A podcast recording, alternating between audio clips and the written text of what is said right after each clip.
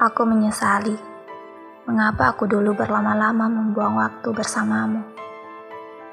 Aku kadang terjebak pada anggapan bahwa hubungan yang sudah lama tak akan terpisahkan lagi.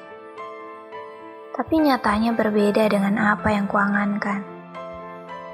Aku pernah begitu mencintai dirimu sebelum akhirnya kau mematahkan hatiku. Aku dan kamu pernah saling mengumbar kasih sayang, mengayam janji untuk selalu bersama,